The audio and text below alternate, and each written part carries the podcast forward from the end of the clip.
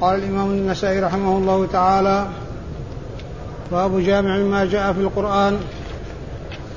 وقال أخبرنا نصر بن علي قال أخبرنا عبد الأعلى قال حدثنا معمر عن الزهري عن عروة عن ابن مخرمة أن أن عمر بن الخطاب رضي الله عنه قال سمعت هشام بن حكيم سمعت هشام بن حكيم بن حزام يقرأ سورة الفرقان.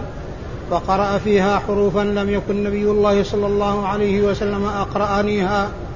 قلت من أقرأك هذه السورة؟ قال رسول الله صلى الله عليه وسلم قلت كذبت ما هكذا أقرأك رسول الله صلى الله عليه وسلم؟ فأخذت بيده أقوده إلى رسول الله صلى الله عليه وسلم فقلت يا رسول الله إنك أقرأتني سورة الفرقان وإني سمعت هذا يقرأ فيها حروفا. يقرأ فيها حروفا لم تكن لم تكن أقرأتنيها. فقال رسول الله صلى الله عليه وسلم اقرأ يا هشام. فقرأ كما كان يقرأ. فقال رسول الله صلى الله عليه وسلم هكذا أنزلت. ثم قال اقرأ يا عمر. فقرأت فقال هكذا أنزلت. ثم قال رسول الله صلى الله عليه وسلم إن القرآن أنزل على سبعة أحرف. بسم الله الرحمن الرحيم.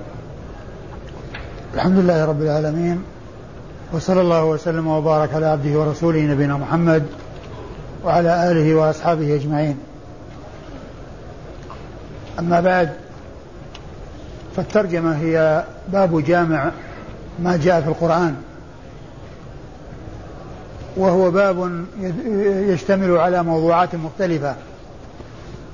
سبق أن مر في الدرس الماضي منها ما يتعلق بكيفية نزول الوحي على رسول الله صلى الله عليه وسلم وأنه كان يعاني شدة عند نزول الوحي عليه صلى الله عليه وسلم. وفي هذه الأحاديث التي سمعناها أو التي سمعنا أولها آه، ما يتعلق بالأحرف السبعة ونزول القرآن على سبعة أحرف. وأول هذه الأحاديث حديث عمر بن الخطاب رضي الله عنه أنه سمع هشام بن حكيم بن حزام يقرأ سورة الفرقان على حروف لم يقرئه, يقرئه إياها رسول الله عليه الصلاة والسلام. فلما فقال له من أقرأ من أقرأك من أقرأك هذا؟ قال أن أقرأني ذلك رسول الله عليه الصلاة والسلام. فقال له كذبت لقد أقرأنيها رسول الله عليه الصلاة والسلام وليس فيها شيء مما قلت. ومراد عمر بن الخطاب رضي الله تعالى عنه وأرضاه بهذا أنه كان على معرفة تامة وملازمة تامة للرسول صلى الله عليه وسلم ولم يكن سمع منه هذه الأحرف. ومن أجل هذا قال كذبت. وذلك لطول عهده وسبق إسلامه وملازمته ومعرفته بالقرآن الذي يسمعه من رسول الله عليه الصلاة والسلام وليس فيه شيء من هذا الذي سمعه من من هشام بن حكيم الحزام وقوله كذبت يحتمل أمرين. أما أن يكون هو ضد التصديق ويكون ذلك بناء على غالب الظن. والذي دفعه إلى هذا كون عمر متقدم الإسلام ولم يسمع هذا الشيء وكون حكيم بن هشام بن حكيم متأخر الإسلام.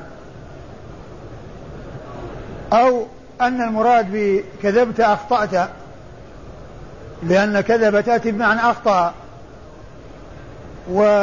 وفي استعمالهم أن كذب تأتي أحيانا بمعنى أخطأ فيكون من هذا القبيل. يعني أخطأت كذبت بمعنى أخطأت. وقد مر بنا في صحيح البخاري آه ولعله في هذه السنن أمثلة من ذلك التي فيها ذكر التكذيب ويراد به التخطئة وليس التكذيب الذي هو ضد التصديق.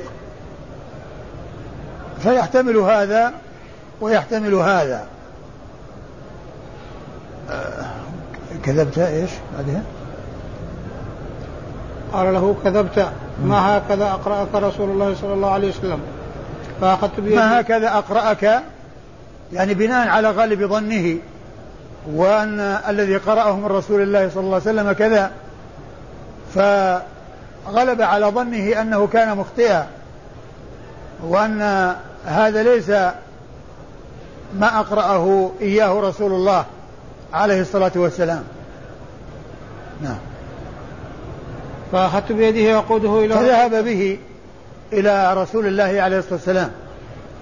وأخبره بأن بأنه سمعه يقرأ سورة الفرقان على خلاف ما أقرأه أقرأه إياها رسول الله عليه الصلاة والسلام. وهذا الذي فعله عمر بن الخطاب مع هشام بن حكيم يدل على آه، شدته رضي الله عنه وصلابته وقوته في الأمر المعروف. قوته في الأمر المعروف رضي الله تعالى عنه وأرضاه. حيث بادر وذهب به إلى الرسول عليه الصلاة والسلام لأنه رآه أخطأ خطأ بينا على حسب ظنه إذ قرأ هذه السورة على خلاف ما كان يقرأه يقرأها عمر والتي آه، أقرأه إياها رسول الله صلى الله عليه وسلم فهو دال على قوته وعلى شدته رضي الله عنه وصلابته في الأمر المعروف والنهي عن المنكر. فلما وصل إلى رسول الله عليه الصلاة والسلام وأخبره بما أخبر بالذي جاء من أجله. قال له لحكيم اقرأ لهشام اقرأ. فقرأ سورة الفرقان على النحو الذي سمعه منه عمر. فقال هكذا أنزلت. ثم قال لعمر اقرأ. فقرأ سورة الفرقان. فقال عليه الصلاة والسلام هكذا أنزلت. ثم قال عليه الصلاة والسلام, عليه الصلاة والسلام إن القرآن أنزل على سبعة أحرف. إن القرآن أنزل على سبعة أحرف. والأحرف السبعة اختلف فيها على أقوال كثيرة من العلماء من توقف. وقال إنها من المتشابه الذي لا يعرف حقيقته. وممن توقف السيوطي حيث ذكر أن الأقوال بلغت ثلاثين قولا وأن الذي اختاره منها هو التوقف وأن ذلك من المتشابه. ومن العلماء من فسرها وتكلم في المراد منها ورجح ما رجح من الأقوال وأشهر ما قيل في الأحرف السبعة أنها سبع لغات. من اللغات الفصحى في لغة العرب من أفصح اللغات في لغة العرب فكا فالأحرف السبعة إنما هي سبع لغات. والمراد من ذلك وليس المراد من ذلك أن كل كلمة تقرأ على سبع لغات ولا أن كل جملة تقرأ كذلك وإنما هذا هو الحد الأقصى أن أقصى ما يبلغ في الكلمة الواحدة أن يكون سبع لغات وقد يكون في الكلمة الواحدة لغتين وفي بعضها ثلاث وفي بعض الكلمات ثلاث وفي بعضها أربع هذا هو المقصود. وليس المقصود أن كل كلمة تكون على سبع لغات وإنما هذا هو الحد الأقصى الذي يكون لبعض الكلمات وبعضها لا يصل إلى هذا الحد وبعضها لا يصل إلى هذا الحد. وهذه الأحرف السبعة كانت موجودة ومعروفة بين الصحابة. ولكن عثمان بن عفان رضي الله عنه لما جمع القرآن جمعه على حرف واحد. فصارت الأحرف الآن غير موجودة. والمصحف مشتمل على حرف واحد من الأحرف السبعة. والقراءات الموجودة في المصحف ليست من الأحرف السبعة وإنما الأحرف السبعة هي سبع لغات. والموجود في المصحف إنما هو حرف واحد مشتمل على عدة لغات على عدة قراءات مشتمل على قراءات متعددة. وابن القيم رحمه الله في إعلام الموقعين ذكر أدلة كثيرة لسد الذرائع وختم وأوصلها إلى تسعة وتسعين دليلا يعني آه على سد الذرائع. وختمها بجمع عثمان رضي الله عنه المصحف وجمعه القرآن وقصره على حرف واحد. حتى لا يحصل الاختلاف بين الناس في قراءته. وقال إن هذا كان أي نزوله على سبعة أحرف في الوقت الذي كان هناك حاجة إليه. لكن لما التقى العرب على الإسلام والتقى بعضهم ببعض وتذللت ألسنتهم وعرف بعضهم ما عند بعضهم من اللغات وكان ذلك رخصة. أي نزول القرآن على سبعة أحرف رخصة تيسيرا وتسهيلا. جمع عثمان رضي الله عنه المصاحف على المصحف على حرف واحد. وفعل عثمان رضي الله عنه من سد الذرائع التي هي الاختلاف الذي يكون بين الناس بسبب تعدد اللغات مع أن الأمر كان رخصة ولم يكن الأمر يحتاج إلى الاستمرار فحصل الاقتصار على حرف واحد من الأحرف السبعة.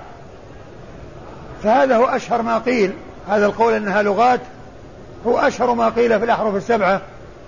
ومن العلماء من توقف وقال إنه من المتشابه الذي لم يثبت ويأتي دليل يدل على بيان المراد منه. الإسناد. الإسناد. الإسناد. أخبرنا نصر بن علي. أخبرنا نصر بن أخبرنا نصر بن علي. ابن نصر بن علي الجهضمي.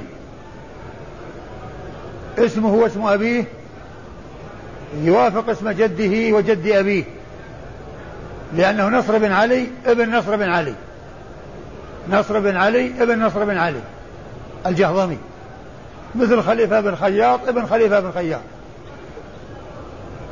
خليفة بن خياط ابن خليفة بن خياط اسمان اسم الأب الابن والأب متفقان مع الجد وجد الأب. وهو ثقة أخرج حديثه أصحاب الكتب الستة. نعم.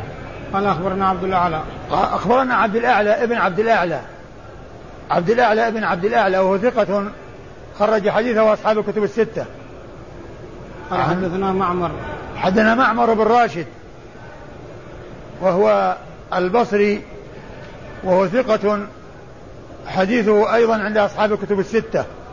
عن الزهري. عن الزهري. عن الزهري ومحمد بن مسلم بن عبيد الله بن عبد الله ابن شهاب. ينتهي نسبه إلى جده زهرة بن كلاب وهو ثقة فقيه إمام جليل مكثر من رواية الحديث من رواية حديث رسول الله عليه الصلاة والسلام وهو من صغار التابعين. أدرك أنس بن مالك رضي الله عنه وغيره من صغار الصحابة وحديثه عند أصحاب الكتب الستة. عن عروة. عن عروة بن الزبير ابن العوام المحدث الفقيه من الفقهاء السبعة في المدينة في عصر التابعين وحديثه عند أصحاب الكتب الستة. عن ابن مخرمة. عن ابن مخرمة وهو المسور بن مخرمة. الصحابي ابن الصحابي رضي الله تعالى عنه وحديثه عند أصحاب الكتب الستة. يروي عن عمر بن الخطاب رضي الله تعالى عنه أمير المؤمنين أبي حفص فاروق الفاروق ذو المناقب الجمة والصفات الحميدة الذي جاء عن النبي الكريم عليه الصلاة والسلام. الأحاديث الكثيرة الدالة على فضله ونبله. فقد قال عليه الصلاة والسلام اقتدوا بالذين من بعد أبي بكر وعمر. وقال عليه الصلاة والسلام لعمر ما سلكت فجا إلا وسلك الشيطان فجا غير فجك.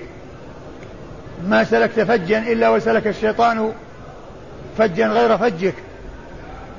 وقد رأى النبي الكريم صلى الله عليه وسلم قصرا في الجنة. رأى في منامه قصرا في الجنة. فقيل فأراد أن يدخله. فقيل فقال لمن هذا؟ قال لعمر بن الخطاب. قال فذكرت غيرتك فلم أدخله. فقال أعليك أغار يا رسول الله؟ وبكى عمر رضي الله تعالى عنه وأرضاه. ومناقبه كثيرة رضي الله تعالى عنه. وهو ثاني الخلفاء الراشدين الهادين المهديين الذين قال فيهم النبي الكريم عليه الصلاة والسلام عليكم بسنتي وسنة الخلفاء الراشدين المهديين من بعد تمسكوا بها وعضوا عليها بالنواجذ وخلافته خلافة نبوة وقد جاء عن سفينة مولاه أن النبي عليه الصلاة والسلام قال خلافة النبوة بعد ثلاثون سنة ثم يؤتي الله ملكه من يشاء. وكان رضي الله تعالى عنه وأرضاه مكث في الخلافة عشر سنوات وأشهرا حصل فيها الخير الكثير. وفتحت الفتوحات وقضي على الدولتين العظميين في ذلك الزمان وهما دولة فارس والروم. وتحقق بذلك الرؤية التي رآها وهو أنه رأى أنه على بئر يمتح ينزح منها بدلو فنزح منها ما شاء أن ينزح ثم أخذها أبو بكر فنزح ذنوبا أو ذنوبين ثم أخذها ابن الخطاب فاستحالت غربا فلم أرى عبقريا يفري فرية وهذا إشارة إلى آه ولايته وطولها وما حصل فيها من الفتوح وما حصل فيها من انتشار الإسلام وقوة الإسلام وعزة الإسلام وأهله رضي الله تعالى عن عمر وعن الصحابة أجمعين. والحديث من رواية صحابي عن صحابي لأن المسور المخرم صحابي وهو يروي عن عمر بن الخطاب رضي الله تعالى عنه. قال سمعت هشام بن قال سمعت هشام بن حكيم يقرأ وهشام بن حكيم ليس من رواة الإسناد وإنما الحديث من مسند عمر وكان سبب الذي حصل من أخبار الرسول صلى الله عليه وسلم بأن القرآن ينزل على سبعة أحرف كان سببه ما حصل بينه وبين هشام بن حكيم. الذي سمعه يقرأ سورة الفرقان على خلاف ما أقرأه إياها رسول الله عليه الصلاة والسلام. فكان ذلك سببا في الذهاب هو وإياه إلى الرسول صلى الله عليه وسلم وإخبار عمر إياه للرسول صلى الله عليه وسلم بما حصل وأن هشاما قرأ وقال له النبي صلى الله عليه وسلم هكذا أنزلت وقال وقرأ عمر وقال هكذا أنزلت ثم قال إن القرآن أنزل على سبعة أحرف. إن القرآن أنزل على سبعة أحرف. فهو ليس من رجال الإسناد. وهو صحابي يعني من أصحاب رسول الله ومن مسلمة الفتح. و آه، وله رواية يعني في آه، بعض الكتب الستة لكن ليس هو من رجال الإسناد. الذي معنا. قال أخبرنا محمد بن سلمة والحارث بن مسكين قراءة عليه وأنا أسمع واللفظ له. عن ابن القاسم أنه قال حدثني مالك عن ابن شهاب عن عروة بن الزبير عن عبد الرحمن بن عبد القاري قال سمعت عمر بن الخطاب سمعت عمر بن الخطاب رضي الله عنه يقول سمعت هشام بن حكيم يقرأ يقرأ سورة الفرقان على غير ما أقرأها عليه. وكان رسول الله صلى الله عليه وسلم أقرأنيها فكدت أن أعجل عليه. ثم أمهلته حتى انصرف ثم لببته بردائه فجئت به إلى رسول الله فجئت به إلى رسول الله صلى الله عليه وسلم فقلت يا رسول الله إني سمعت هذا يقرأ سورة الفرقان على غير ما أقرأتنيها فقال له رسول الله صلى الله عليه وسلم اقرأ. فقرأ القراءة التي سمعته يقرأ. فقال رسول الله صلى الله عليه وسلم هكذا أنزلت. ثم قال لي اقرأ. فقرأت. فقال هكذا أنزلت. إن هذا القرآن أنزل على سبعة أحرف فاقرأوا ما تيسر منه. ثم ورد النسائي حديث عمر بن الخطاب من طريق أخرى وهو بمعنى الرواية السابقة. المتقدمة قبل هذا مما جرى بينه وبين هشام بن حكيم بن حزام وترافعهما على رسول الله عليه الصلاة والسلام وقراءة كل منهما ما أقرأه رسول الله عليه الصلاة والسلام وقوله إنه, إن إن أنه هكذا أنزل لكل منهما ثم قال إن القرآن أنزل على سبعة أحرف فاقرأوا ما تيسر منه. إن القرآن أنزل على سبعة أحرف فاقرأوا ما تيسر منه. وأما إسناد الحديث فيقول النسائي أخبرنا محمد بن سلمة. محمد بن سلمة وهو المرادي المصري وهو ثقة ثبت خرج حديثه آه من؟ مسلم و مسلم وأبو داود و مسلم والنسائي وابن ماجه. مسلم والنسائي وابن ماجه. أبو داود؟ مسلم وأبو داود؟ وابن ماجه فيه؟ أربعة. مسلم وأبو داود والنسائي وابن ماجه. آه وهو كما ذكرت محمد بن سلمة المرادي المصري وهو من وهو شيخه شيخ النسائي. وأما محمد بن سلمة الباهلي فهذا من طبقة شيوخ شيوخه من طبقة شيوخ شيوخه. أحيانا يأتي محمد بن سلمة يروي عنه بواسطة والمراد به الباهلي والذي يروي عنه مباشرة هو المرادي المصري. يروي عن من؟ وكذلك الحارث المسكين. يعني أيضا يروي عنه النسائي قراءة عليه والنسائي يسمع. والحارث المسكين ثقة فقيه أخرج حديثه أبو داود والنسائي. عن وأنا أسمع واللفظ له. قراءة عليه وأنا أسمع اللفظ له. يعني أن اللفظ للشيخ الثاني الذي هو الحارث المسكين عن القاسم عن ابن القاسم. عن, عن ابن القاسم وعبد الرحمن بن القاسم صاحب الإمام مالك. وحديث وهو ثقة حديثه أخرجه البخاري وأبو داود في المراسيل والنسائي. قال حدثني مالك.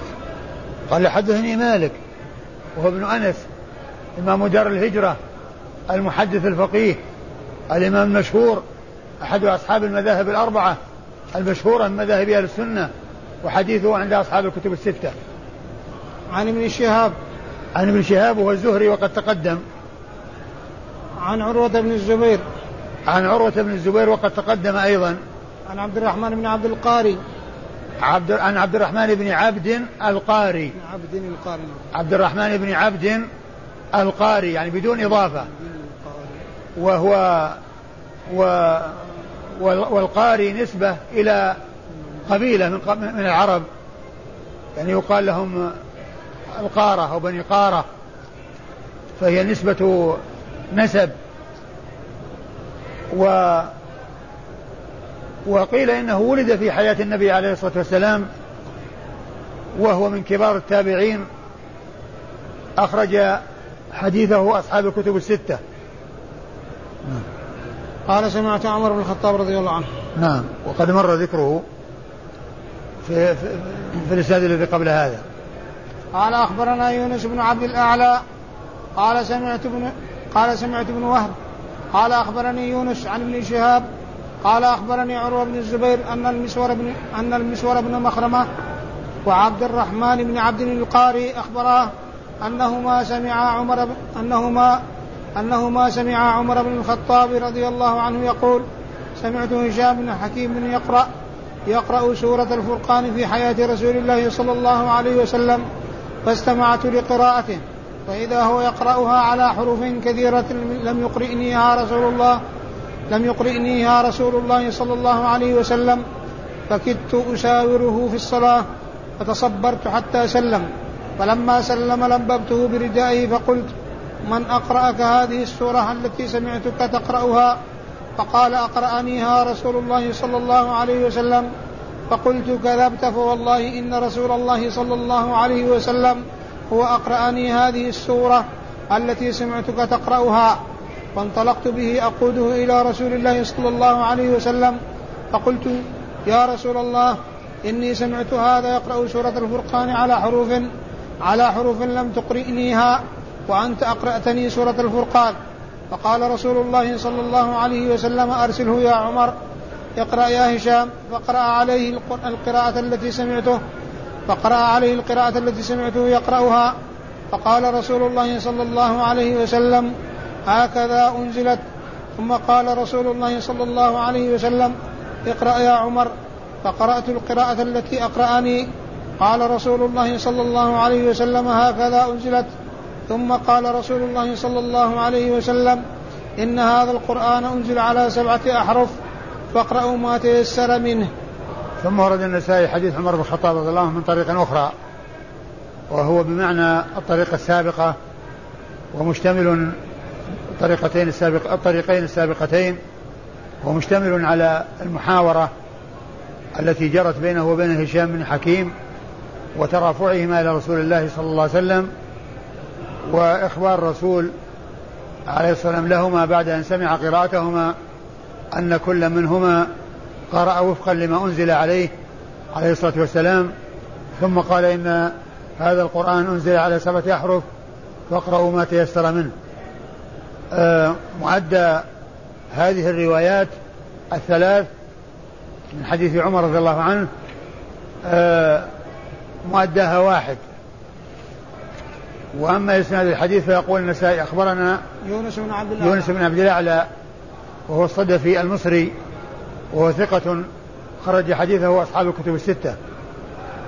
قال حدثنا ابن وهب. من هو؟ قال حدثنا مسلم؟ مسلم والنسائي وابن ماجه؟ ثلاثة. يونس بن عبد الأعلى. مسلم والنسائي وابن ماجه.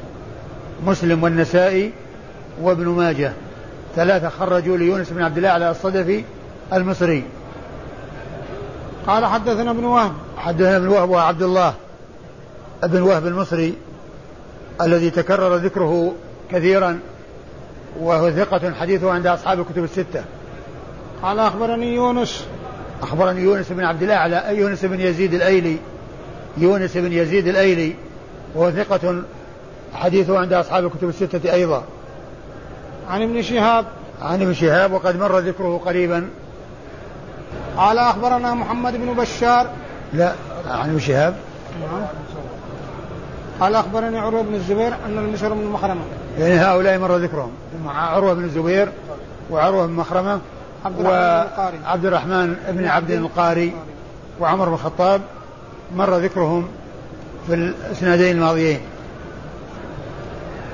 قال أخبرنا محمد بن بشار قال سمعت مح... قال حدثنا محمد بن جعفر غندر قال حدثنا شعبة عن, عن الحكم عن مجاهد ابن عن مجاهد عن ابن أبي ليلى عن عن أبي بن كعب رضي الله تعالى عنه أن رسول الله صلى الله عليه وسلم كان عند أضاء كان عند أضاءة كان عند أضاءة بني غفار فأتاه جبريل عليه السلام فقال إن الله عز وجل يأمرك أن تقرئ أمتك القرآن على حرف.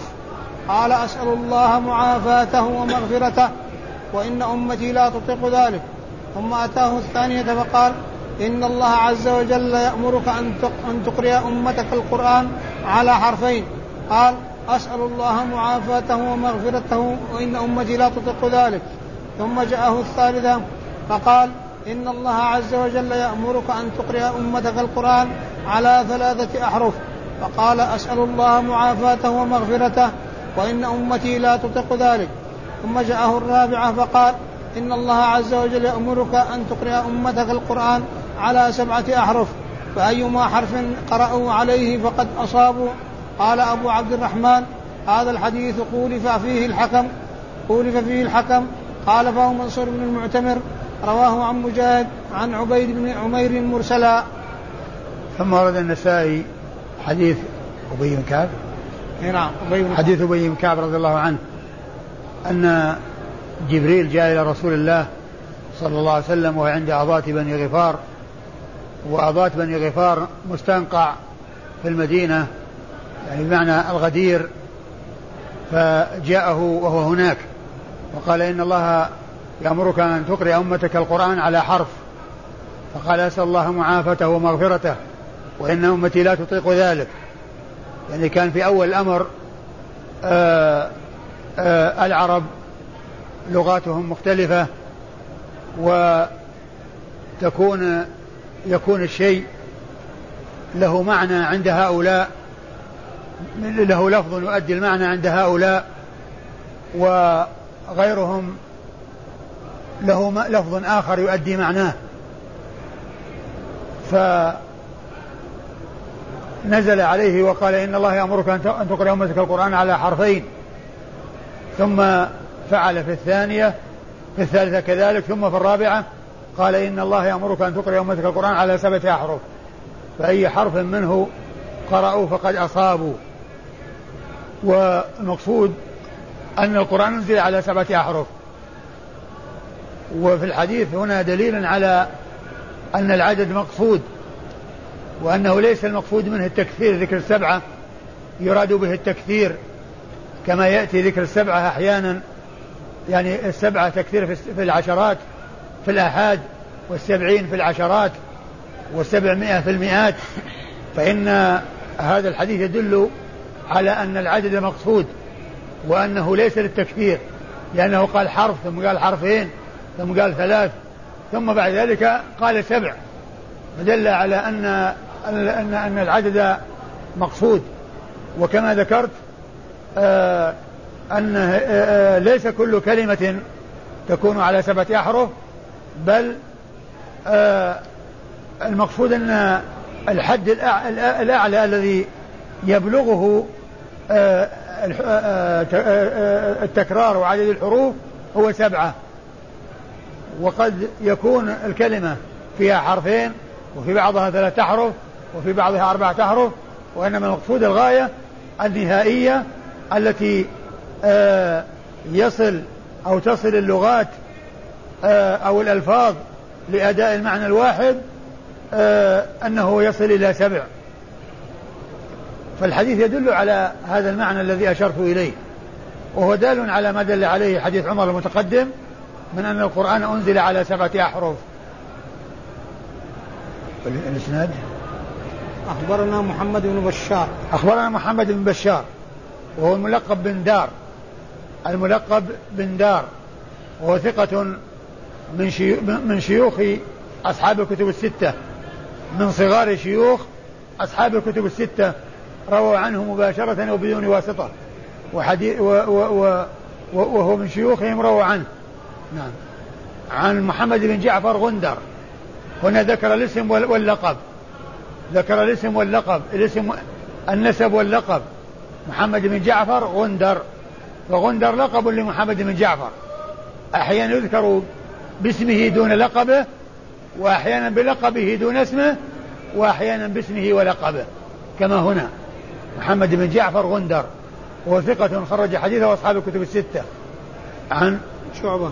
عن شعبة بن الحجاج الواسطي ثم البصري ثقة ثبت وصف بأنه أمير المؤمنين في الحديث وحديثه عند أصحاب الكتب الستة. عن الحكم. عن الحكم هو بن عتيبة الكندي الكوفي وهو ثقة ثبت فقيه ربما دلس وحديثه عند أصحاب الكتب الستة. عن؟ عن عن مجاهد. عن مجاهد بن جبر. مجاهد بن جبر المكي آه ثقة عالم بالتفسير وكذلك في في العلم الذي هو غير التفسير وحديثه أخرجه أصحاب الكتب الستة. عن ابن أبي ليلى. عن ابن أبي ليلى. وهو عبد الرحمن ابن أبي ليلى الكوفي وهو ثقة حديثه عند أصحاب الكتب الستة. عن أبي بن كعب صاحب رسول الله عليه الصلاة والسلام وهو سيد القراء رضي الله تعالى عنه وأرضاه وحديثه عند أصحاب الكتب الستة. وحديثه عند أصحاب الكتب الستة. أيوه قال بعد ذلك قال قال أبو عبد الرحمن هذا الحديث خولف فيه الحكم. نعم. فرواه منصور بن معتمر. خالفه منصور بن معتمر. خولف فيه الحكم خالفه فيه منصور بن معتمر. فرواه عن مجاهد عن عبيد بن عمير مرسلا.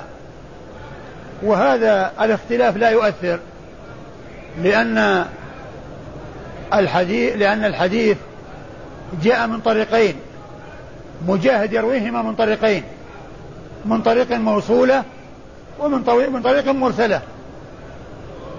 فلا تؤثر إحدى الطريق إحدى الطريقين على الأخرى لأنه رواه من طريق آه عبد الرحمن بن أبي ليلى مجاهد رواه من عن طريق عبد الرحمن بن أبي ليلى متصلة. ورواه من طريق عبيد بن عمير مرسلا فيكون رواه على الوجهين. سمعه من هذا هكذا وسمعه من هذا هكذا فلا تعل إحداهما بالأخرى. بل الطريق المتصلة آه، معتمدة ومعتبرة والطريق المرسلة تؤيدها الطريق الموصولة.